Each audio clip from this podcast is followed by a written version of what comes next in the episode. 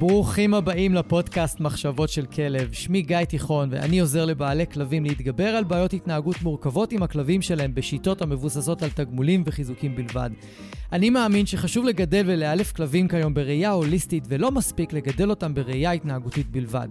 אני מעביר תהליכי ליווי אישיים, סדנאות וקורסים דיגיטליים לבעלי כלבים וגם למאלפים שמחפשים להתפתח ולצמוח. בכל יום שישי יעלה פרק חדש בנושא מרתק, דרכו אלמד אתכם להבין כלבים ברמה עמוקה יותר, מה שיסייע לכם לשפר את הקשר איתם ולחיות בצורה הכי טובה ביחד. אם אתם נהנים מהתוכן, אשמח שתשתפו אנשים אחרים שמגדלים כלבים וגם הם יוכלו ליהנות מהפודקאסט. תודה שאתם מקדישים לי מזמנכם, המשך פתיח קצר ומתחילים.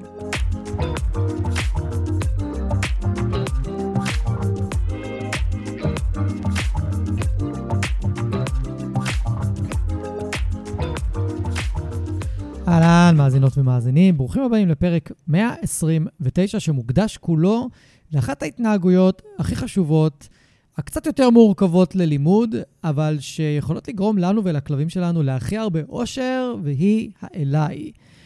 ואני רוצה לדבר בפרק הזה על שלושת המרכיבים שאותם אני מלמד בקורס בומרנג, שממש עכשיו אה, נפתח למחזור חדש, ואני אספר לכם על זה קצת בהמשך. אה, שלושה מרכיבים שבלעדיהם הסיכוי שהכלב שלכם יחזור אליכם בצורה אמינה ועקבית, ברוב הפעמים שאתם קוראים לו, היא מאוד מאוד נמוכה. והמרכיבים האלה, אני מלמד אותם בקורס בומרנג. מי שרוצה, למטה בתיבת טקסט קישור לפרטים לגבי הקורס. ואני מלמד אותם שם כי אני יודע כמה שהם חשובים, ואנחנו נדבר עליהם היום. ששלושת המרכיבים הם הקשר עם הכלב, היכולת של הכלב להתעלם מגירויים סביבתיים ולהתפקס עלינו, והתרגילים שאנחנו צריכים לעשות כדי ללמד את הכלב בכלל מה הוא אמור לעשות. עכשיו, לפני שאני אכנס למרכיבים האלה, אני רוצה לתת לכם שתי דוגמאות לשתי, לא נגיד מיתוסים, אבל איזושהי הנחה רווחת אצל רוב רוב בעלי הכלבים, ואגב, גם אצל המון מאלפים משום מה. המון מאלפים שזה מה שהם חושבים שיגרום לכלב לחזור אלינו. וברוב המקרים זה לא עובד, בהרבה מקרים זה לא עובד. ובגלל גם שהרבה פעמים זה לא עובד, יש להמון מאלפים נטייה ללכת לכלים שהם יותר אברסיביים ולהכריח את הכלב לחזור אלינו, לגרום לו לאי-נעימות אם הוא לא חוזר אלינו, כשבפועל אפשר להימנע מכל זה, ואנחנו יכולים ממש ללמד את הכלב לחזור אלינו בצורה שהיא שמחה, בריצה, ויש כלבים שהם הרבה יותר מוסכים מהסביבה ויותר רגישים ויותר חרדתיים, אז אולי הם לא יבואו בריצה ובשמחה, אבל הם יחזרו. גם אם הם יחזרו לאט, הם עדיין יחזרו. וכאן יש נקודה סופר חשובה, לפני שאני מגיע לשתי ההנחות הנפוצות אליי, זה שככל שהכלב שלכם יותר רגיש ויותר חרדתי, יהיה לו יותר קשה להתעלם מגירויים סביבתיים, במיוחד מה שמפחיד אותו. ולכן זה גם יקשה עליו לחזור עליכם. לכן, האימון שלו, של התעלמות מגירויים סביבתיים, הוא סופר קריטי, ואם לא עושים אותו, הוא פשוט מכשיל את האליי. יאללה, בואו נדבר שנייה על שתי ההנחות הרווחות, שאני רואה אותן ושומע אותן המון, וחשוב להתייחס אליהן רגע, לפני שאנחנו נכנסים לשלושת המרכיבים העיקריים ללימוד אליי. אז הראשונה היא זה שאם אני ילמד את הכלב שלי להישאר במקום, לשבת איפשהו, ואני מתרחק ממנו, ואז אני קורא לו אליי, והוא בא. מתוך זה הוא לומד מה המשמעות של אליי, שזה אומר שאני רוצה שהוא יחזור אליי. והבעיה פה, יש פה כמה בעיות בעצם. הראשונה היא, זה שזה דופק לכם התנהגות אחרת, של להישאר, של stay, כי אם אתם קוראים המון פעמים לכלב שלכם ממצב שאתם אומרים לו להישאר, אז הוא, ההישאר שלו מתחיל להיות הישאר על קוצים, כי הוא מצפה שתקראו לו. וגם מספיק שתעשו כל מיני תנועות מסוימות שהוא חושב שהוא יכול כבר אה, לצאת מההישאר ולבוא אליכם, אז הוא יזהה אותם והוא יקום ויזוז ויבוא אליכם גם אם לא קראתם לו, ואז בעצם זה הורס לכם את הסטי, את ההישאר. הבעיה השנייה כאן היא שבעולם האמיתי, הכלב לא יושב ומחכה לנו שנקרא לו, הוא עושה דברים. הוא עסוק בלהיות כלב. הוא מרחח, הוא חופר, הוא משחק עם כלב, הוא סתם רץ אחרי משהו, הוא פשוט רוצה לעמוד ולא לעשות כלום, כל מיני דברים. אז אם אני מלמד אותו לבוא אליי מיישאר, זה רק חלק אחד קטנטן מתוך הלימוד שלה אליי. קטנטן. אני חייב לעבוד עם הכלב על אליי כשהוא מרחח, כשהוא חופר, כשהוא משחק עם כלב, כשהוא משחק עם צעצוע, שהוא מסתכל על משהו, שהוא נמצא רחוק ממני, שהוא נמצא קרוב ממני, עם רצועה ארוכה, בלי רצועה ארוכה, בשטח פתוח, בשטח סגור, כשאני יושב, כשאני עומד, כשאני זז, כשאני הולך, כשאני מתרחק. ברור שאנחנו לא מתרגלים כל מצב שתיארתי בנפרד. לא, זה קצת פסיכי, אבל מי שיעשה את זה, התועלת שהוא יקבל תהיה פסיכית בהתאם, כי הוא יקבל תוצאה, או היא, תקבלו תוצאה ממש טובה. אבל גם אם אתם לא עושים את זה by the book, אחד-אחד כל סיטואציה, זה לא נורא, זה לא אמור להשפיע על התוצאה הסופית. אז בשורה התחתונה, אם אני חושב שלימוד אליי מסתכם בלהושיב את הכלב ולקרוא לו אליי, והנה הוא הבין מה המשמעות של המילה אליי, אני אקבל תוצאה לא כל כך טובה, ובדרך כלל כלב שלא מגיב לאליי, אלא הוא יותר מתעלם מאליי. ההנחה השגויה השנייה היא שמספיק שאני אתן לכלב כמה חטיפים על זה שהוא בא אליי, ואני אתרגל איתו קצת, וזה מספיק. יהיה לי כלב שחוזר אליי כשאני קורא לו. כשבפועל, אנחנו חייבים לעבוד לפי שיטה מסודרת ומתודיקה מסודרת, שהיא כוללת את שלושת המרכיבים שאני תכף אספר לכם. ואם אתם לא כוללים אותם, העילה שלכם יהיה חלש או לא קיים. זה נורא תלוי בכלב. ככל שהכלב רגיש יותר, מוסך יותר, חרדתי יותר, מתקשה יותר בסביבה עם הרבה גירויים או מעט גירויים, זה לא משנה. ככל שלא תקפידו על שלושת השלבים עם כלבים כאלה, יהיה לכם אלה יותר חלש או לא קיים. במחזור שמסתיים ממש עכשיו, יש מישהי שגם עבדה עם מאלפת אחרת, וגם השתתפה בקורס, כי היא רצתה לחזק את האליי. אבל עם המאלפת היא עבדה על החרדות של הכלב ועל התחושת ביטחון שלו עם הסביבה, ולסמוך על האישה, וזה הגיע למצב שהכלב כן חוזר. אבל המטרה גם ב-. בלהצטרף לקורס הייתה לחזק עוד יותר את האליי. כי בקורס עצמו אנחנו עובדים המון על התעלמות מהסחות, חיבור אלינו, ואז נכנסים התרגילים. וכשעושים את זה בצורה מסודרת, קודם כל מזכירים לכלב מה אנחנו רוצים ממנו. דבר שני, אנחנו מחזקים כבר את מה שקיים, וממש רואים בסרטונים שהיא שלחה לנו, את הכלב מגיע אליה, וכל פעם משהו מפריע לו בסביבה. רואים אותו עוצר, מסתכל לצדדים, וממשיך לבוא. עוצר, מסתכל למקום אחר, וממשיך לבוא. עוצר, מסתכל למקום אחר, וממשיך לבוא, וכשהוא קרוב מספיק, הוא עוזב את הסביבה ובא אליה. זאת אומרת שיש כאן ממש עבודה ממושכת. גם על הקשר, גם על התעלמות מגירויים, גם על ההתנהגות עצמה, וזה הוביל לכך שגם כלב חרדתי, ואני מכיר את הכלב הזה, מצליח לחזור. וזה ממש משמעותי. עכשיו, אה, אני כן פונה גם לאלה מכם שיש להם כלבים תוקפנים וריאקטיביים, שמפחדים לשחרר את הכלב שלהם בכל מיני מקומות פתוחים. אז אני פה כדי להגיד לכם שגם כלבים כאלה, אפשר למצוא מקומות ולעבור איתם תהליך מסודר ולהגיע למצב שאפשר לשחרר אותם במקומות שהם יותר מבודדים, הם יותר שקטים, ואפשר לעשות את זה בהתחלה עם רצועה ארוכה, ולאט לאט לשחרר את הכלב מהרצועה. אפשר לבנות את זה בצורה מסודרת, וגם אפשר להרגיל את הכלב למחסום, שאם חס וחלילה נכנס כלב או בן אדם, תלוי למה הכלב ריאקטיבי או תוקפן, לא יקרה נזק, אוקיי? לא יקרה נזק. ואם בוחרים מקומות מספיק טובים, אז גם הסיכוי שיקרה כזה סיטואציה היא מאוד מאוד נמוכה. עכשיו, אני מכיר המון בעלי כלבים עם כלבים ריאקטיביים, והמון בעלי כלבים עם כלבים תוקפנים. ואני יודע שהם מוצאים את המקומות האלה, והולכים עם הכלבים למקומות האלה, ומשחררים אותם, והם לא פוגשים נפש חיה בדרך כלל. ויש להם אליי טוב, והם יכולים לשחרר את הכלבים שלהם. אז אני חושב שגם לכם, אם יש לכם כאלה כלבים, כדאי מאוד להקשיב, וכדאי מאוד לקחת את הרעיונות, ואולי אפילו לשקול להצטרף לקורס בומרנג, שממש נפתח עוד מעט, הפרטים למטה בקישור, אתם יודעים, גם המחיר של הקורס הוא לא כזה deal breaker שאתם אומרים, לא, אין סיכוי שאני מוציא את הסכום הזה בשביל הסיכוי שאני אוכל לשחרר את הכלב שלי. זה מחיר ששווה לשקול לקנות את הקורס כדי שתוכלו לשחרר את הכלב.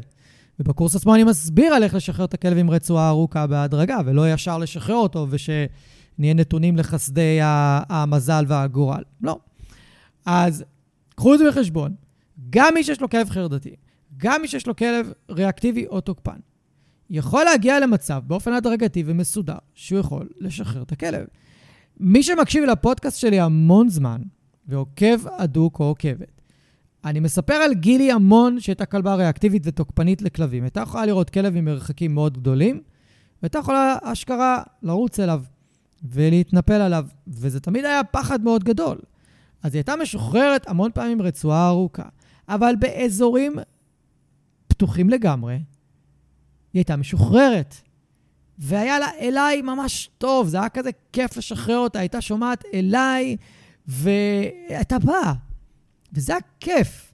רוני היה קצת יותר קשה לעבוד איתה עליי אליי, ועדיין, גילי, עם התוקפנות שלה והריאקטיביות לכלבים, הייתה משוחררת. והייתה יכולה להיות משוחררת בכל מיני מקומות.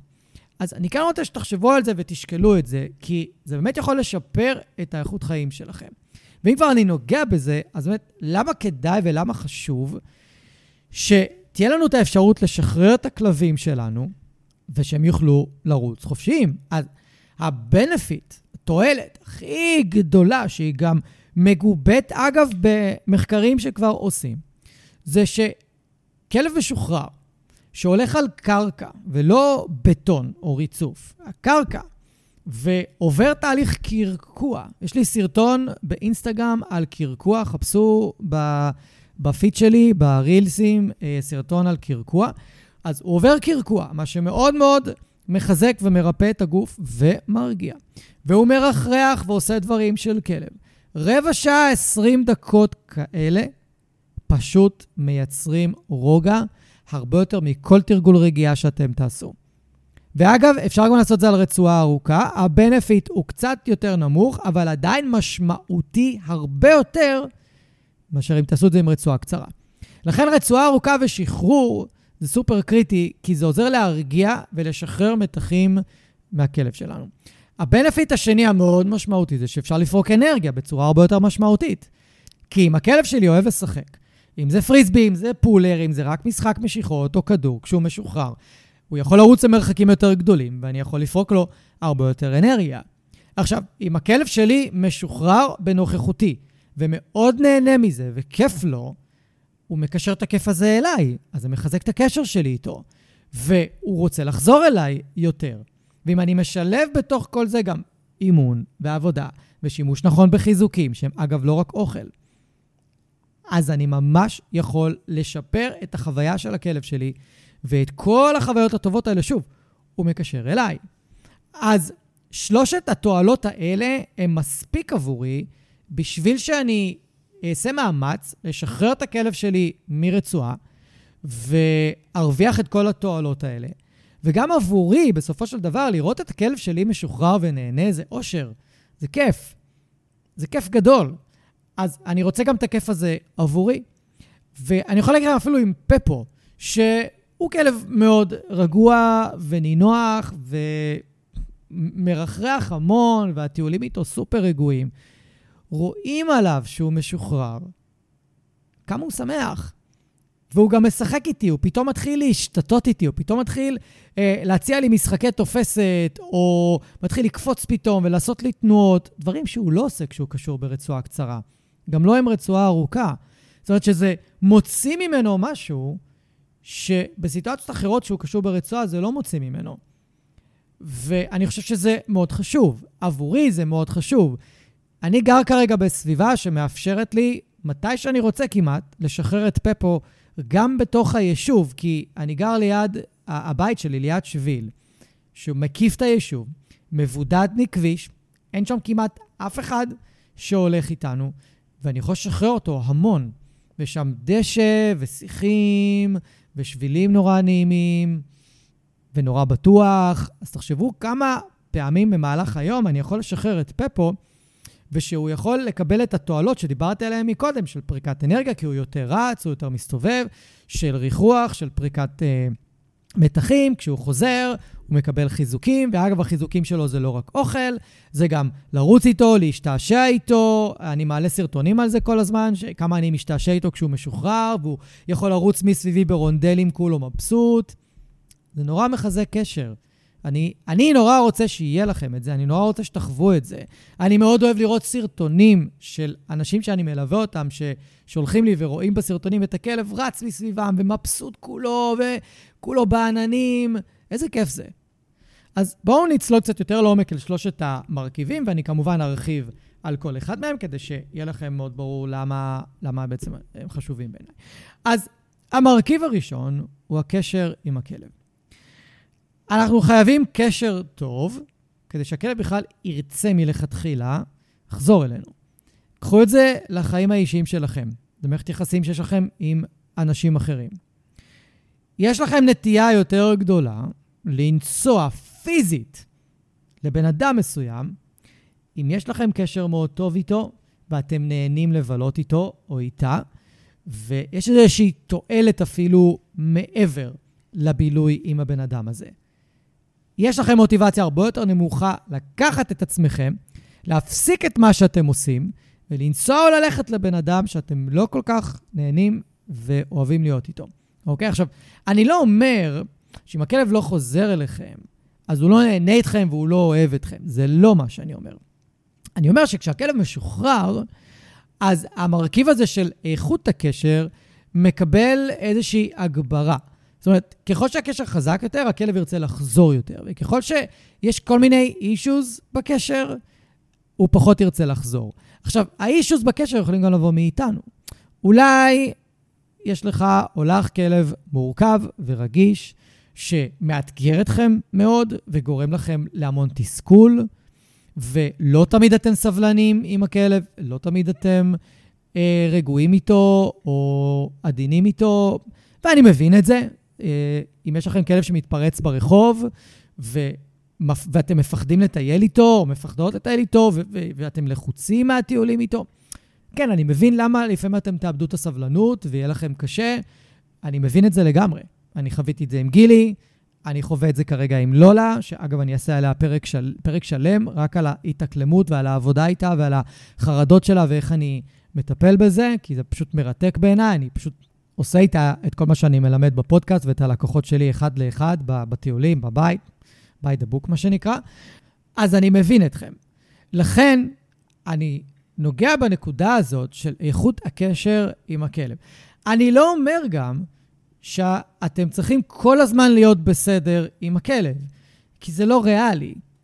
יש לנו ימים קשים, יש ימים שאנחנו במצב רוח לא טוב, יש ימים שהכלב במצב רוח לא טוב, והוא יכול לחרפן אותנו, אם זה בנביחות מתוך הבית או בהתפרצויות לא צפויות בחוץ, וזה יכול לערער אותנו.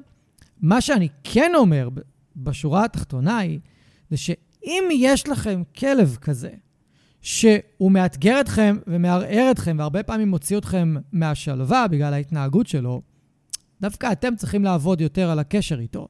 דווקא אתם צריכים להיות הרבה יותר במודעות לאיכות הקשר, ולעשות פעולות יומיומיות מתוך מודעות מלאה, שצריך לשפר את הקשר. כי אני בטוח שבבית, שהכל רגוע ואין טריגרים ואין עימותים ואין דברים בעייתיים, הכלב הרבה יותר מתרפק עליכם, הרבה יותר בא אליכם, הרבה יותר פנוי לליטופים, ואולי למשחק ולתרגול, ובאופן כללי, יותר רוצה את הקרבה שלכם. אבל בחוץ, איפה שיש את עיקר הבעיות, אצל רוב האנשים, נוצרת התניה פחות טובה, ויש קישור פחות טוב אלינו, כי לא תמיד אנחנו סבלניים. כלומר, כלב יכול ללמוד בקלות, שבבית שיותר רגוע, יותר בטוח לבוא אלינו, יותר בטוח לשתף איתנו פעולה, ובחוץ, פחות, כי אולי אנחנו פחות סבלניים, אולי לפעמים אנחנו צריכים למשוך את הכלב חזק ברצועה כי הוא פתאום מתנפל על בן אדם, ואולי אה, איבדנו את הסבלנות כלפיו ואנחנו מתעצבנים עליו. כל הדברים האלה יכולים לקרות לכל אחד. אז הגיוני מאוד שהוא יעשה חיבור שבחוץ לא תמיד משתלם לבוא אלינו ולא תמיד משתלם לשתף איתנו פעולה. אז קחו את הנקודה הזאת, ואני רוצה ומדגיש עוד פעם. איכות של קשר אפשר למדוד ב overall, ב total, ואיכות של קשר יכולה להתחלק לפי סיטואציות, לפי מקומות, לפי מצבים ולפי דברים משתנים, אוקיי? לכם נורא חשוב להתייחס לטוטל, אבל למצוא את המקומות שבהם אתם שמים לב שהכלב לא תמיד שם לב אליכם, לא תמיד קשוב אליכם, הקשר שם יותר חלש, ולעבוד על המקומות האלה. ועכשיו אנחנו עוברים למרכיב השני, שהוא בעיניי גם מאוד מאוד חשוב, וזה התמודדות עם גירויים סביבתיים, וכל מה שמטריג את הכלב שלנו יכול לגרום לו להתפרץ ולהשתולל, או פשוט מסיח אותו, כי הוא אוהב לרדוף, כי הוא חרד, כי הוא מפחד. אני יכול לשתף אתכם שלולה, למשל, מטיילת בחוץ, ומלא דברים מסיחים אותה. מלא דברים מטרידים אותה, היא עוצרת המון, מסתכלת המון. אני יודע שיש לנו דרך משמעותית לעבור לפני שאני אוכל לשחרר אותה, או אפילו לשים אותה על רצועה ארוכה. כי אני חייב קודם כל להוריד את רמת התגובתיות שלה לגירויים סביבתיים, לפני שאני מצפה ממנה בכלל להיות מסוגלת להתעלם מהם ולהתרכז בי כשאני לא נמצא לידה. כשאני נמצא לידה, היא יכולה להתעלם מהגירויים האלה די יפה ולקבל חיזוק, ואנחנו יכולים להתקדם או לעשות איזשהו תרגיל שממשיך ללמד אותה להתעלם מההסחות והגירויים. אבל אני לא אוכל לעשות את זה כרגע ממרחק מאוד גדול, וזה משהו שצריך לבנות באופן הדרגתי.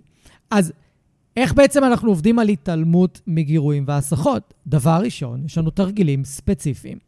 משחקי פוקוס וריכוז שאני מלמד בסדנה עיניים עליי, שהיא חלק מהקורס בומרנג כרגע למחזור הקרוב. זאת אומרת שבתוך הקורס עצמו, מעבר לזה שאני אלמד אתכם איך את, את הטכניקות ואת התרגילים להחזיר את הכלב אליכם ואיך לחזק איתו את הקשר, אני גם אלמד אתכם איך לעבוד על התעלמות מגירויים והסחות. ובאיזה חיזוקים להשתמש, וכל מה שצריך. אז יש לנו את המשחקים האלה.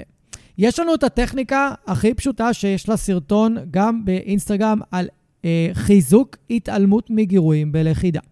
ואנחנו יכולים ללמד את הכלב להתעלם מגירויים לפי צליל הסחה, או כשאנחנו קוראים בשם שלו. אנחנו יכולים לעשות תרגול רגיעה ב- בכל מיני מקומות כדי ללמד את הכלב להיות יותר רגוע מול גירויים והסחות ולהיות יותר קשוב אלינו. אנחנו יכולים אה, לעשות אימוני משחק רגילים עם פולר, פריסבי, כדור, צעצוע נשיכה, אה, מול כל מיני גירויים והסחות שהכלב מגיב אליהם, או עם חידות אוכל ותעסוקה עצמית. ומשטחי ליקוק, וקונג ממולא, וכל מיני דברים כאלה. יש לנו המון דרכים לעבוד עם הכלב ולאמן אותו, להתעלם מגירויים והסחות, אבל אנחנו חייבים לעשות את זה בצורה יזומה. למשל, אחד הדברים שאני הכי אוהב לתגמל, וממש מקפיד ללמד את זה בכל שיעור וכל כלב שאני פוגש, זה שאם הכלב יסתכל עליי בטיול, אני מתגמל. ובזמן שאני מתגמל, אני מרים את הראש להסתכל מה יש בסביבה של הכלב שלי כרגע, שאולי גרם לו להסתכל עליי ולבקש ממני איזושהי עזרה. אם לא, למשל, זה מאוד ברור. זה כשיש רעשים שהיא מפחדת מהם והיא שומעת אותם מרחוק, היא פתאום מסתכלת עליי. היא פתאום, ממש, אומרת לי, שומע, אני רואה, אני שומעת משהו, בוא תעזור לי. ואני מתגמל אותה. עושה קישור טוב לרעש, מלמד אותה להחזיר פוקוס אליי כשהיא שומעת משהו שהיא מפחדת ממנו, שזה תמיד טוב, וככה אני יכול לשמר את הרצון של הכלב שלי לחזור אליי, להסתכל עליי, לבוא ולקבל ממני עזרה על בסיס יומיומי בטיולים, ואני לא צריך כל הזמן להסתמך רק על תרגולים. את התרגולים של המשחקי פוקוס וריכוז, שתיארתי מקודם, אני קודם כל מתחיל בבית ובאזורים שקטים, ואז לוקח אותם לאזורים עם יותר גירויים והסחות, באופן הדרגתי כמובן, ודרך המשחקים האלה אני מלמד את הכלב לראות את הגירוי, לחזור אליי, לראות את הגירוי, לחזור אליי, לראות את הגירוי, לשחק איתי, עד שהוא מתעלם לגמרי מהגירוי והוא רק משחק איתי. וככה צריך לבנות את זה כל יום עוד קצת, עוד קצת, עוד קצת, עוד קצת. ללמד את הכלב להתעלם מכמה שיותר גירויים וכמה שיותר הסחות, כי האליי של הכלב, החוזק שלו, תלוי ביכולת שלו להתעלם מגירויים והסחות. כי תחשבו על זה רגע. עכשיו הכלב משוטט לו, מסתובב, ואתם רוצים לקרוא לו. ונניח והוא בדיוק מריח משהו. הוא אמור להפסיק את הריחוח כשאתם קוראים לו אליי? הוא אמור לרוץ אליכם או ללכת אליכם? בזמן שהוא בדרך אליכם, ייכנסו לו עוד כל מיני גירויים והסחות, ריחות, שומע דברים, מריח משהו על הרצפה, פתאום איזה כלב מופיע רחוק, או בן אדם מופיע רחוק. זאת אומרת שכל עוד הוא רץ אליכם, וכל עוד הוא, אגב, רץ לאט ולא מהר, יהיו לו יותר התמודדויות לעבור בדרך. וככל שאנחנו עובדים על, על התעלמות מגירויים והסחות, ככה יהיה לו יותר קל בדרך אליכם. הוא יכול להתעלם יותר טוב. בואו ניתן לכם דוגמה מכלבי אה, משטרה, אוקיי? וכלבי, אה, לא, כלבי חיפוש ו, והצלה. לכלבי חיפוש והצלה יש אימונים מסוימים ספציפיים להתעלמות מריח בסביבה. ממש מאתגרים אותם ומתקילים אותם, שהם צריכים למצוא ריח מאוד מאוד ספציפי, אבל שמים להם באזור שבו הם אמורים למצוא את הריח הספציפי גם ריחות של דברים אחרים שיגרו אותם, כמו ריחות של אוכל, ריחות של אנשים שהם אוהבים, ריחות שבדרך כלל ימשכו אותם, והם אמורים להתעלם מהריחות האלה וללכת למצוא את הריח הספציפי שאימנו אותם למצוא. בדרך כלל זה ריח שקשור לבני אדם. אני אתן לכם דוגמה מהיום-יום שלכם. אם יש לכם כלב שהוא מאוד מוסך בטיול מריחות של אוכל חתולים, עצמות זרוקות, אוכל שאנשים זורקים, אתם רוצים לעבוד איתו על התעלמות גם מהריח. לא רק מהתעלמות ממשהו שהוא מצא, נגיד הוא ראה את החתיכת אה, פיצה על הרצפה, או את החופן הזה של האוכל חתולים שהמאכילת חתולים השאירה, ואז נורא קל ללמד אותו, תתעלם מזה שאתה רואה את זה. אבל הרבה פעמים הכלב שלנו לא רואה משהו, הוא מריח, עלה על השביל ריח, ועכשיו הוא מנסה להגיע לאיפה שהדבר הזה נמצא. אני רוצה לעבוד איתו כבר על ההתעלמות מהריח. ממש עשיתי את זה לפני יומיים עם כלבה שאוהבת לחפש המון דברים בטיול. עבדנו איתה רק על התעלמות מהריח. לא היה לנו מושג איפה הדבר שהיא העריכה ואיפה זה היה נמצא. לא היה לנו מושג. אנחנו רק ידענו שבאזור הספציפי הזה שהיינו בו, היא מנסה למשוך אותנו ולהגיע למקום מסוים שיש בו מה שהיא רוצה לאכול. עכשיו, זה היה מאוד ברור לפי צורת הריחוח שזה אוכל כלשהו. עבדנו איתה להתעלם מהריח.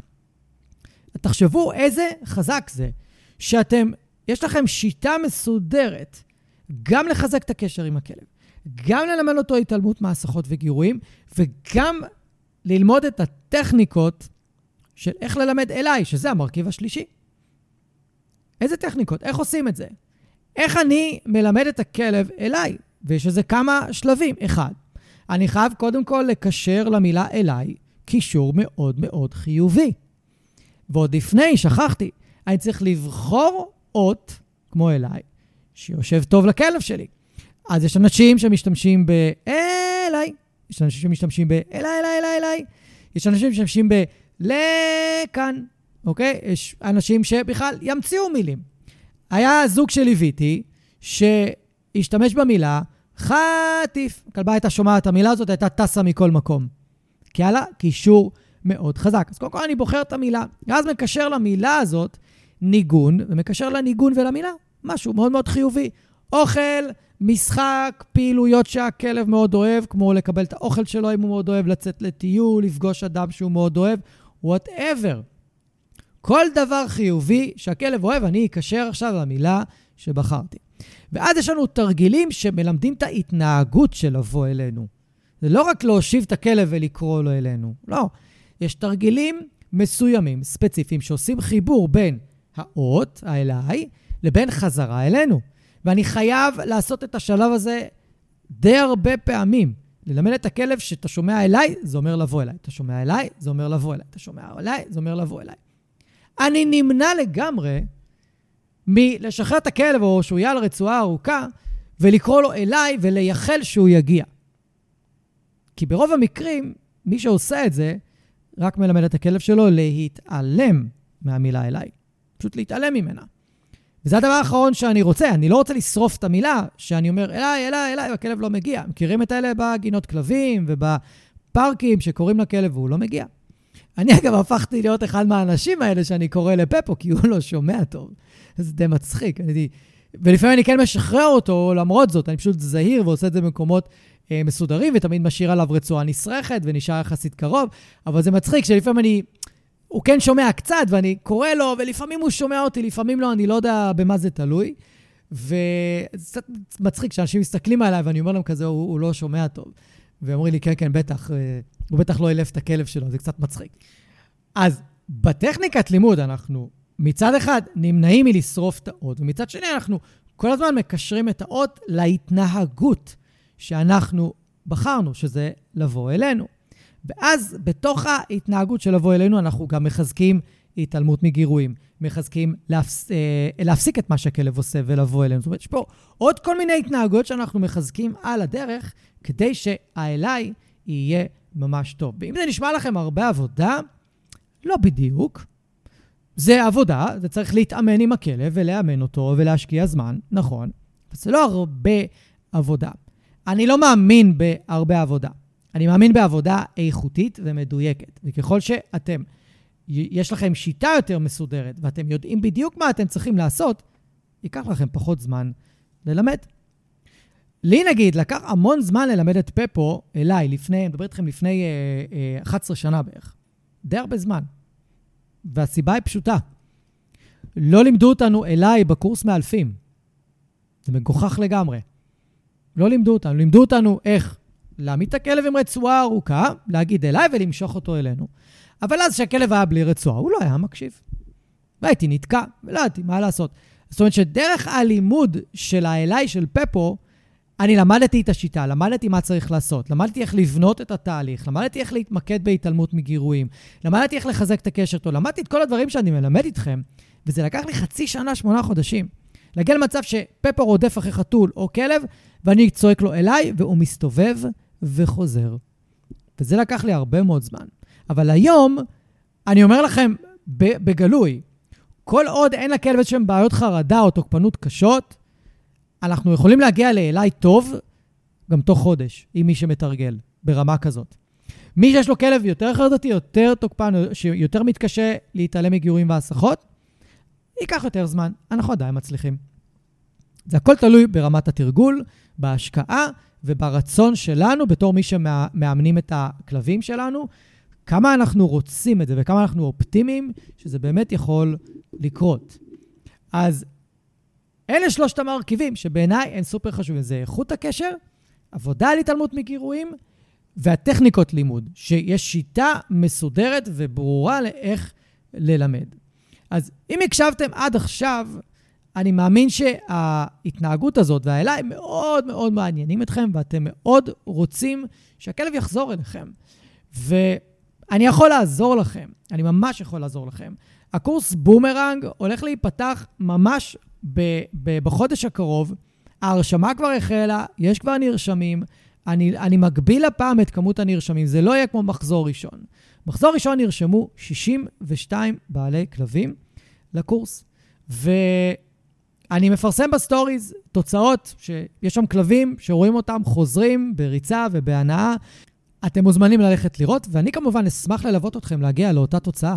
ולמה בכלל שתרצו להירשם לקורס כזה? אז דבר ראשון, פריקת מתחים ולחצים. כשהכלב שלנו מסתובב חופשי על רצועה ארוכה, או שהוא סתם משוטט בלי רצועה, כמו שאמרתי, זה עוזר לו לפרוק מתחים. רוב הזמן הכלבים שלנו הולכים על בטון, והם בסביבה צפופה, עם המון גירויים ורעשים, ואנחנו חייבים לתת להם איזשהו break מהעיר. גם לעצמכם, אגב, תחשבו איזה כיף זה לקחת את הכלב לאיזה יער, או פארק, או שדה פתוח, ופשוט לטייל איתו, ולדעת שאם תקראו לו, הוא יחזור אליכם. דמיינו את זה רגע, כמה כיף זה יכול להיות עבורכם. וזה לא רק פריקת מתחים לכלב, זה גם פריקת מתחים עבורנו. והסיבה השנייה היא זה שלימוד כלב, לחזור אלינו כשהוא משוחרר, זו אחת הדרכים הטובות ביותר לחזק את הקשר איתו, והרחבתי על זה המון לאורך הפרק, אז אני רק מזכיר את זה. והבנפיט, אחד הגדולים ביותר, שכלב שלי משוחרר, הוא יכול לשחק עם כלבים אחרים. לכמה מכם יש כלבים ריאקטיביים לכלבים, אבל כשהם משוחררים הם לא ריאקטיביים. הם יכולים לשחק עם כלבים אחרים, והם גם מצליחים להתעלם מגירויים אחרים. אז תחשבו שיש לכלב שלכם, כשהוא משוחרר, את האפשרות לשחק עם כלבים אחרים. ויש המון כלבים שגינות כלבים לא מתאימות להם. הם לחוצים שם מדי, נכנסים יותר מדי לריבים, אבל אם לוקחים אותם לחוף הים, הם משחקים. לוקחים אותם לפארק, הם משחקים. אבל הם הרבה פעמים לא חוזרים.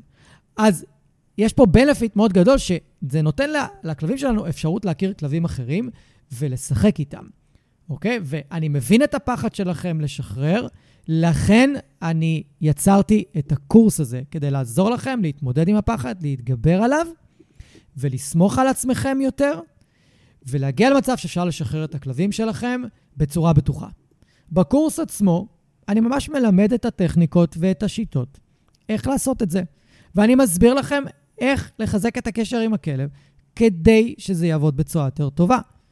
והכל נעשה במפגשי זום, בלייב, לא קורס מוקלט, אלא אני מסביר לכם כל מפגש בזום, איזה תרגילים לעשות, מה צריך לעשות, ויש לכם גם את רוב התרגילים מוקלטים ומצולמים, שאתם יכולים לחזור אליהם כמובן אחר כך. וכדי שיהיה לכם יותר קל לעבוד על ההסחות, יש לכם ב- בתוך הקורס את הסדנה עיניים עליי. בתוך הסדנה יש שישה משחקים, שכל המטרה שלהם היא ללמד את הכלבים שלכם להיות יותר מרוכזים בכם ולהתעלם מגירויים והסחות. ואני מסביר בכל סרטון, זה כן סדנה מוקלטת, כל סרטון הוא בערך עשר דקות, ואני אסביר בדיוק מה התפקיד ומה המטרה של המשחק הספציפי, איך הוא עובד, איך לתרגל איתו, אותו, ואיך להשתמש בו מול גירויים והסחות. ואז אתם יכולים לקחת כל פעם תרגיל אחר ולשחק. ואגב, הכלבים מאוד אוהבים את התרגולים האלה. וקל מאוד ללמד אותם, כל אחד יכול ללמד בלי ניסיון קודם ובלי איזה שהן התנהגות קודמות של, הכלב, של הכלבים שלכם. שום דבר. אז הסדנה ממש משתלבת מעולה עם הקורס, ויכולה פשוט לשדרג לכם את הקורס עצמו. ובנוסף, אני משלב את הקורס להבין את הכלב שלי. שזה קורס שנועד ללמד שפת גוף כלבית ברמה מאוד מעמיקה, כדי שתבינו את הכלבים שלכם יותר טוב. במיוחד הקטע האחרון, שיש בו סרטוני וידאו שאני מסביר עליהם מה אנחנו רואים על הכלבים. דברים שקל מאוד לפספס אותם. ורק אם רואים אותם בווידאו ומסבירים, אפשר להבין מה הכלבים אומרים לנו. אז דמיינו רגע שאתם גם מקבלים את הקורס בומרנג, דרך הדרכת וידאו בזום, וקבוצת פייסבוק ווואטסאפ לשאלת שאלות והתייעצות והעלאת סרטוני תרגול שלכם, שאני עונה לכם. אני נותן לכם את הפידבק, אוקיי? אני מנחה אתכם, אני מכוון אתכם, לא אף אחד אחר. ויש לכם את הסדנה עיניים עליי, שדרכה אתם לומדים משחקי פוקוס וריכוז, ויש לכם את הקורס להבין את הכלב שלי.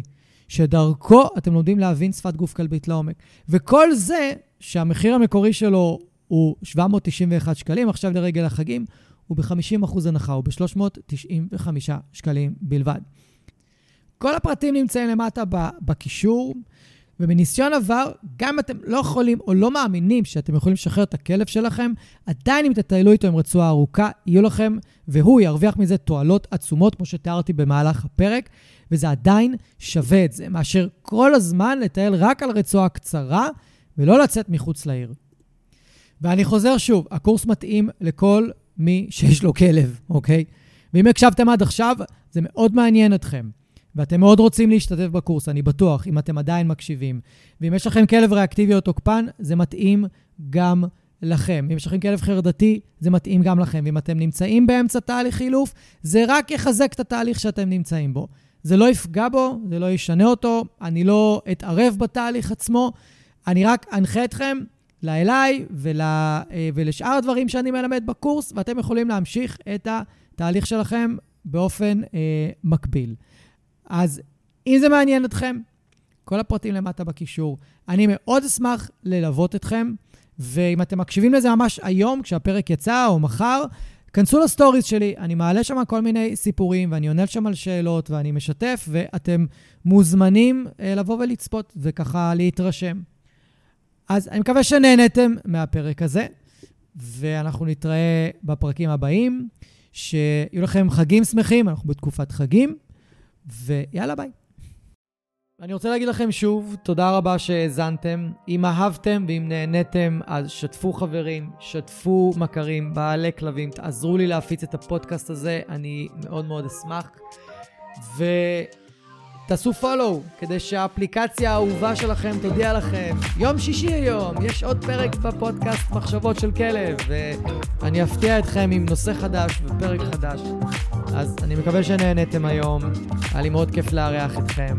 אנחנו נתראה עוד שבוע, תהיו טובים לכלבים שלכם, תהיו טובים לעצמכם, ושיהיה לכם אחלה של סוף שבוע.